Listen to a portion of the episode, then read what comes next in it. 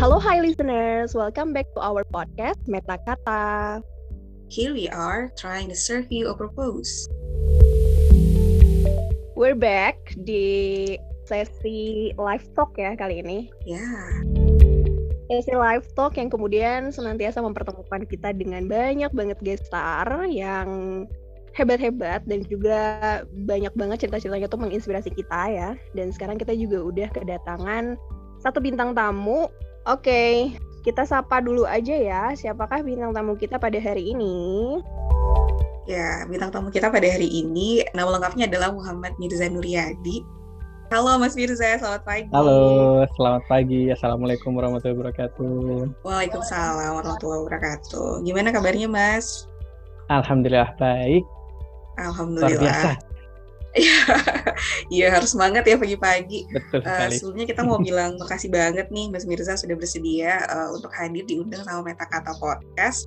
Pokoknya hari ini kita pengen ngobrol-ngobrol sama Mas Mirza. Temanya live talk sih, jadi akan mengekspos tentang kehidupan Wih. Mas Mirza. Nih, berat nih. iya, seperti itu. Barangkali ini ya, kita persilakan dulu kepada Mas Mirza untuk perkenalan sedikit biar listener juga bisa kenal lebih dekat dengan Mas Mirza. Boleh Mas Mirza barangkali perkenalan dulu? Oke, baik. Bismillahirrahmanirrahim. Assalamualaikum warahmatullahi wabarakatuh. Listener, uh, nama saya Muhammad Mirza Nuryadi. Saat ini saya bekerja sebagai seorang dosen di Prodi Pendidikan Biologi FKIP Universitas Muhammadiyah Malang. Nah, mungkin apa ya, beberapa perjalanan di hidup saya ini mungkin ada yang menilai ini menarik ya, sehingga eh, dari tim Metakata menghubungi untuk bisa membicarakan terkait dengan sekali lagi live talks yang disampaikan oleh Mbak Titin tadi ya. Yap, betul sekali. Bener banget. Jadi kenapa diundang ke Metakata ya pastinya menarik banget ya kayaknya hidupnya Mas Mirza ini gitu untuk dikulik-kulik gitu ya dan terutama mungkin hal-hal yang berkaitan sama apa yang jadi aktivitasnya sekarang gitu ya sebagai seorang pengajar di salah satu universitas di daerah Malang gitu itu mungkin banyak banget memberikan sudut pandang baru sama kita. Oke, nah jadi pertama nih Mas Mirza, kita pengen apa namanya denger kalau Mas Mirza sendiri nih selama menjalani hidup sekian puluh tahun gitu kan, kira-kira apa sih satu peristiwa yang di dalam hidup Mas Mirza tuh paling ikonik, yang pokoknya Mas Mirza uh, sulit lupa, you will cherish this moment like until the rest of your life. Ya, kalau misalkan ditanyain satu peristiwa sih sebenarnya ini satu bukan lebih dari satu bahkan ya karena oh, iya, peristiwa okay. ini iya peristiwa ini beruntun gitu ya uh, menurut mm-hmm. menurut saya pri, secara pribadi gitu ya jadi pertama kali yang menjadi pelajaran berharga gitu ya jadi pertama kali aku tuh bisa percaya dengan apa yang namanya miracle nah itu tuh wow. karena Betul sekali, karena notabene-nya aku dari Sumeneb, kota uh-huh. kecil di Madura gitu ya. Kalau misalkan ke Surabaya dari Surabaya aja lima jam gitu ya. Dan belum pernah terfikirkan bahwasanya aku per aku dapat kesempatan untuk keliling dunia gitu ya pada saat okay. itu gitu ya. Nah, ini kejadiannya ketika S1 bahkan. Ketika S1 yang notabene-nya anak desa, terus setelah itu bahasa Inggrisnya pas-pasan. Nah, ketika itu dari semester 3 sangat ingin sekali mencoba kesempatan-kesempatan untuk uh, apply beasiswa ya ke luar negeri uh-huh. gitu ya. Uh-huh. Nah, dari semester 3 mencoba dan tidak tidak menghasilkan issue untuk ya? uh, uh, belum uh-huh. sukses untuk aplikasinya. Nah, alhamdulillahnya ketika semester 7 uh, yang notabene uh-huh. sudah semester akhir gitu ya semester ya udah sibuk-sibuk skripsi lah itu ya udah sibuk-sibuk skripsi nah kebetulannya uh, ada satu kesempatan untuk melaksanakan research exchange itu ke, pada saat itu ke Jerman, Mbak. Nah, ceritanya wow. ada satu kesempatan untuk melaksanakan research exchange ke Jerman. Itu semacam seleksi gitu, Mbak Titin mm -hmm. dan juga mm-hmm. Mbak Sarah. Jadi seleksinya mm -hmm. dari Indonesia itu ada berbagai macam universitas dan juga beberapa uh, mahasiswa yang terpilih hanya tiga dari Indonesia. Kalau nasional dan cuma tiga. Kalau nasional dan cuma tiga dari background seorang ya let's say villagers gitu ya. Iya. Yeah, Makanya mungkin Mas Firza bilangnya miracle karena mungkin Mas Firza nggak pernah punya dugaan kalau bakal masuk ya.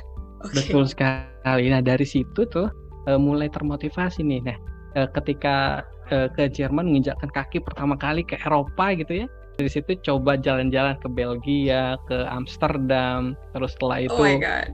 uh, setelah itu balik ke Indonesia mempunyai mimpi yang sama coba untuk uh, untuk apa namanya ya mencari kesempatan-kesempatan ke luar negeri namun ketika S2 belum berhasil juga gitu ya Hmm. sehingga end up-nya di UGM gitu ya nah ketemunya sama Mbak Oh, Titin sama Mbak Sarah nih Iya iya di UGM benar-benar. nih nah Ketemu di ketika UGM itu kita.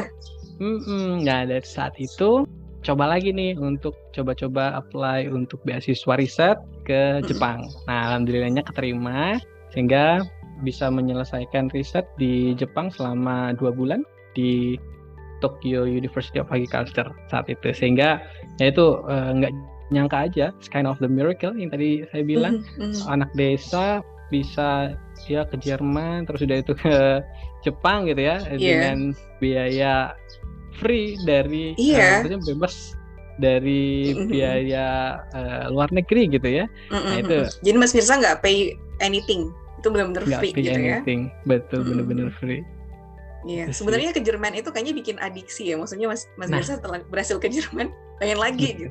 Kayaknya dikejar Betul lagi sekali. S2.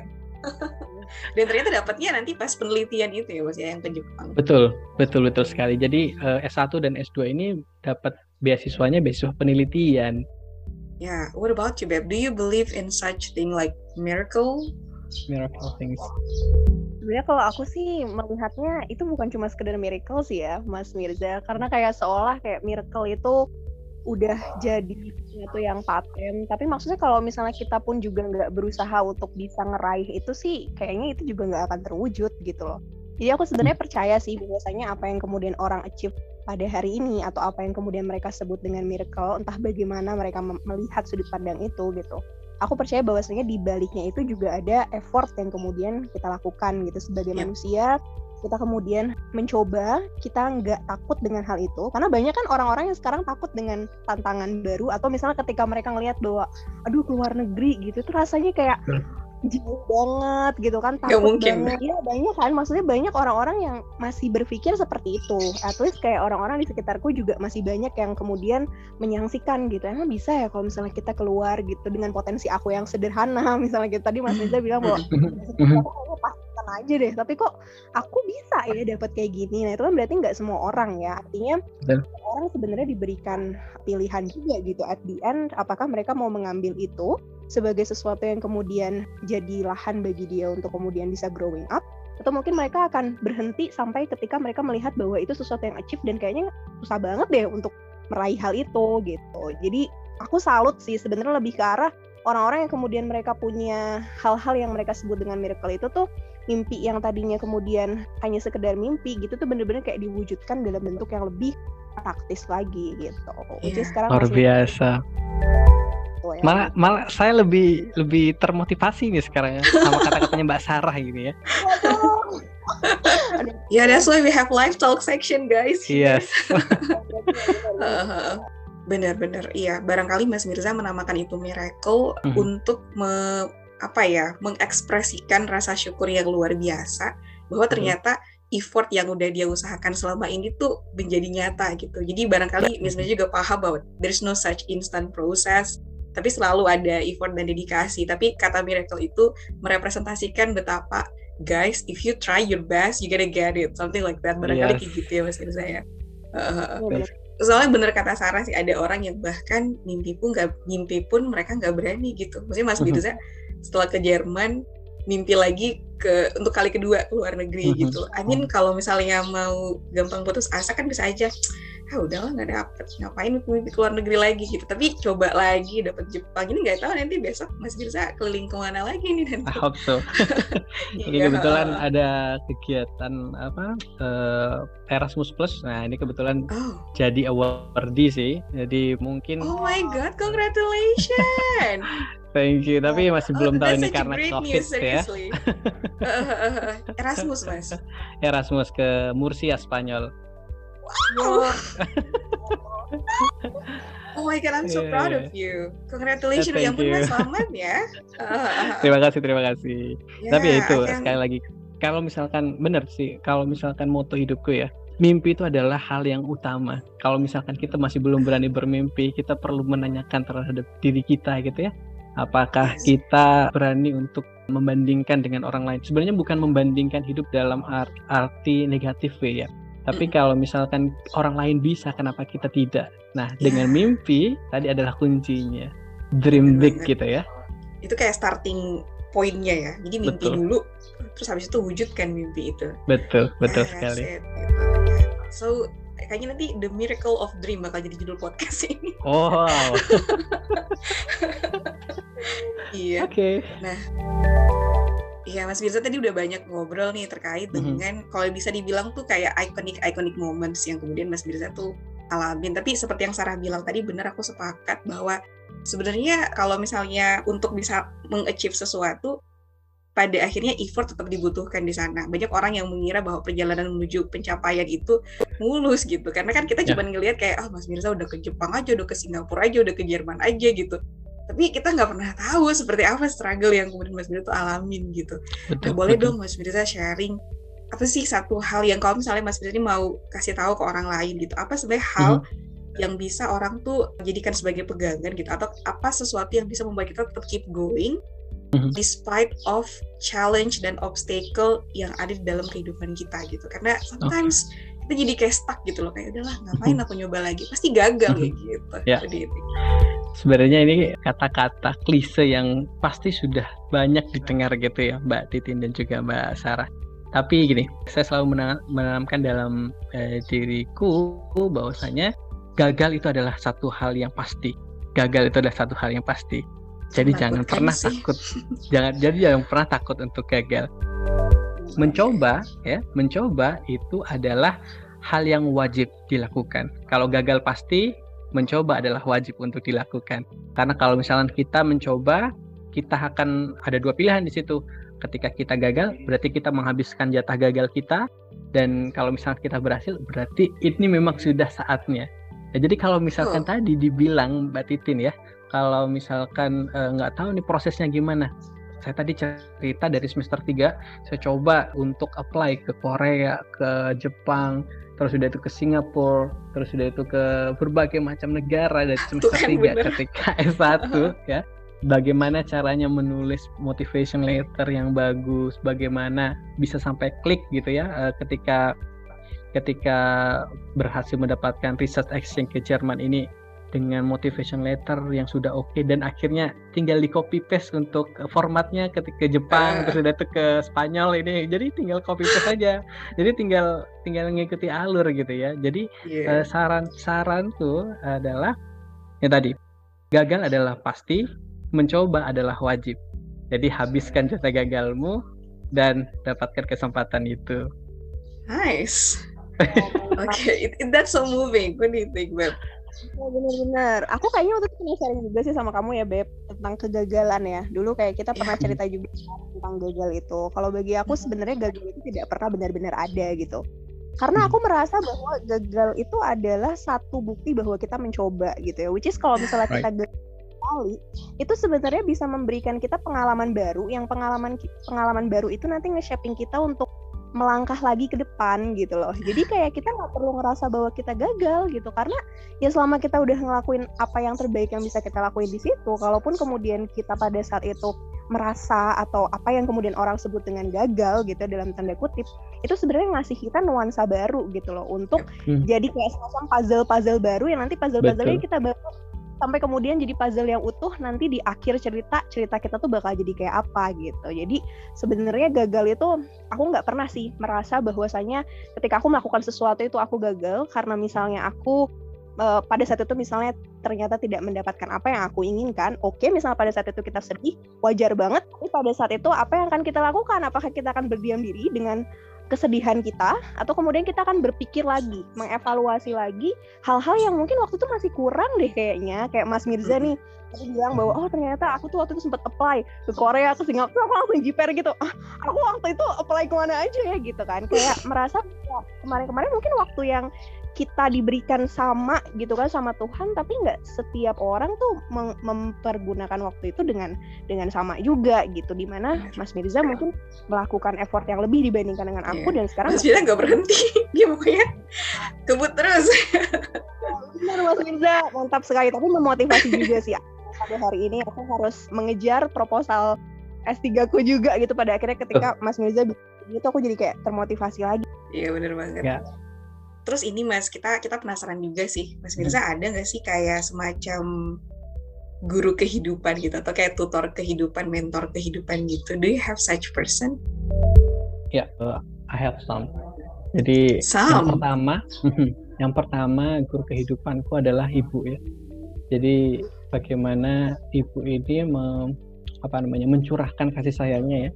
Jadi kalau misalkan aku bisa bilang nih, kita mau bernazar apa pun itu harus sepengetahuan ibu kalau misalkan ibu kita masih ada ya hmm. jadi karena ibu ini menurutku adalah segalanya ketika pertama kali aku nggak percaya diri jadi masuk universitas aku tidak memiliki kepercayaan diri terkait dengan bahasa Inggris ya yang notabene hmm. teman-temannya dari Jawa mereka sudah bisa menggunakan bahasa Inggris dengan TOEFLku yang saat itu hanya 410 to be honest 410 terus setelah itu tapi nggak tahu ya apa pun yang aku lakukan itu selalu minta restu orang tua. Dan aku ketika pulang memiliki waktu dengan orang tua aku selalu spend my time to treat ya my mother.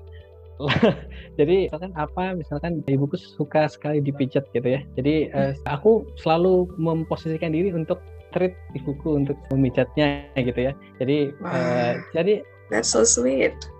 treat-treat yang kecil itu mungkin yang bisa cara apa namanya secara naluriah tanpa perlu diucapkan doa itu langsung masuk ke lain ketujuh gitu ya. Itu orang pertama yang aku sangat respect dan juga ini menjadi guru di dalam hidupku gitu ya. Terus sudah itu yang kedua adalah Ibu Kartika salah satu dosen pembimbingku ketika S1 beliau adalah salah satu yang menurutku adalah powerful dalam menjajaki dunia ya ini ya melalang buana gitu ya. Karena beliau adalah seorang sama beliau adalah seorang dari daerah dari Sumeneb juga kebetulan. Hmm. dan beliau memiliki segudang prestasi dari internasional bahkan beliau adalah wow. peraih apa peraih Nobel Women Scientist Award dari oh. L'Oreal gitu ya. Oh my god. Hmm. Jadi jadi beliau aku kaget dulu. Serius, keren banget. Serius. Jadi beliau adalah salah satu panutan, salah satu panutanku. Kalau misalkan pertama kali mau apply beasiswa di AAD kemarin ya hmm. di Jerman itu eh, mentorku adalah beliau beliau yang menyatakan bahwasanya Mirza kalau misalkan sudah di sudah di Jerman please stay halal gitu ya jadi apa pun yang masuk ke dalam tubuhmu harus halal karena satu hal yang perlu kamu ketahui satu senjata yang kamu punyai bukan apa-apa tapi hanya doa gitu ya. Jadi itu tetap tetap ringing in my head kalau misalkan apa pun yang aku lakukan itu harus benar gitu ya, harus halal gitu ya. Terus setelah itu satu hal yang ingin beliau juga katakan, beasiswa itu bukan untuk orang yang pintar. Beasiswa itu adalah untuk orang yang lebih ekstra atau ekstra effortnya ya, memiliki effort ekstra dibandingkan dengan orang lain. Jadi memang benar apa yang dikatakan Mbak Sarah tadi. Kalau misalkan kita nggak perlu pinter dengan 410, that's fine to get scholarship gitu ya. Kalau misalkan yep. Mencoba terus-terusan gitu ya, terus menerus secara konsisten. Jadi ah, itu yang aku pegang kemarin dari guruku, dari dosenku, bahwasanya mas beasiswa itu adalah bukan untuk orang yang pintar, tapi beasiswa adalah untuk orang yang usahanya lebih dibandingkan dengan orang lain. Wow. Gitu Mbak Titin. Gak heran Mbak sih kalau Bu Kartika punya murid kayak Mas Mirza. Motivasinya se-amazing gitu. Iya, aku jadi iya. termotivasi juga sih Mas. Maksudnya yep. karena tidak sedikit orang yang percaya beasiswa itu untuk orang yang cerdas. But we're not talking about it actually. Kayak, oh oke. Okay. Tapi tentang ini, keuletan gitu ya, tentang perseverance. Hmm. What do you think, Beb? Iya benar-benar. Ini kayak I'm getting emotional. Ya, yeah, me too. Iya, kayak tadi kan menyinggung tentang ibu ya, gitu. Terus menyinggung tentang sosok di balik ya mungkin achievement yang sudah diraih gitu pada saat ini gitu dan aku agree banget sih sama apa yang kemudian disampaikan gitu terutama tentang restu orang tua gitu kan ya. Karena ya sebagai orang yang beriman gitu yang diberikan iman dan kenikmatan iman ini gitu aku merasa bahwasanya ya keridoan Allah untuk kemudian meridoi aku di jalan untuk meraih achievement itu tuh juga nggak lepas dari apa yang sudah dilakukan oleh ibuku gitu misalnya berdoa gitu kan terus ayahku juga gitu meridoi merestui apa yang kemudian dilakukan gitu. Terus juga kalau misalnya ada guru-guru ya terutama bener banget sih gitu. Aku juga banyak termotivasi dari guru-guruku dulu di S1 guru waktu masih SMA bahkan gitu. Mereka banyak banget kasih aku gambaran-gambaran yang aku observe. Nggak harus mereka kemudian secara verbal ngomong itu tapi aku menyerap itu sebagai satu bentuk daripada pembelajaran yang nanti oh ini berarti yang harus aku pegang di dalam hidup gitu. Jadi memang memang benar sih maksudnya kalau misalnya kemudian kita melakukan apa yang kemudian sudah terbaik gitu untuk meraih achievement itu dan dibarengi dengan ketaatan kita juga gitu ya. Maksudnya dengan kemudian tadi kalau misalnya Mas Miza kan nyinggung tentang oh nanti kalau misalnya udah di Jerman tuh tetap harus tetap harus menjaga hal-hal yang halal gitu ya terus uh, menjalankan ibadah gitu itu kan berarti juga sebenarnya supaya dapat ridhonya Allah gitu loh walaupun kita udah dapat achievement itu gitu tapi jangan sampai itu malah mengundang murkanya Allah gitu ya maksudnya sebagai seseorang yang beriman itu kayak satu keberuntungan tersendiri juga ya karena kita kayak dapat keimanan ini dan itu bisa jadi bekal buat kita untuk mengarungi kehidupan di masa depan gitu. Ya, benar banget. Wah, listener, it feels like aku nggak pengen stop. Tapi karena kita terbatasi oleh durasi ya, mohon maaf. Iya. Tapi Mas Mirza kalau misalnya nanti diundang lagi sama podcast Metakata, semoga berkenan ya Mas ya untuk yep. diajak ngobrol-ngobrol lagi gitu. Menarik banget sebenarnya pengen lebih mengulik-ngulik lagi gitu tentang kisah-kisah inspiratif gitu. Karena there's always thing you can take dari setiap hal yang kemudian terjadi gitu. Thank you banget Mas Mirza sekali Amin. lagi udah bersedia. Terima kasih banyak, uh, sama-sama. Hmm, makasih ya Mas ya. Oke okay deh uh, listeners, so I think we are about to end our podcast today dan kita akan ketemu lagi di edisi-edisi berikutnya dan jangan lupa untuk dukung kami dengan follow dan juga aktifkan notifikasi karena biar kalian nggak ketinggalan sih podcast-podcast berikutnya. Oke, okay, see you next podcast listeners. Bye bye. Bye. Bye. Bye juga.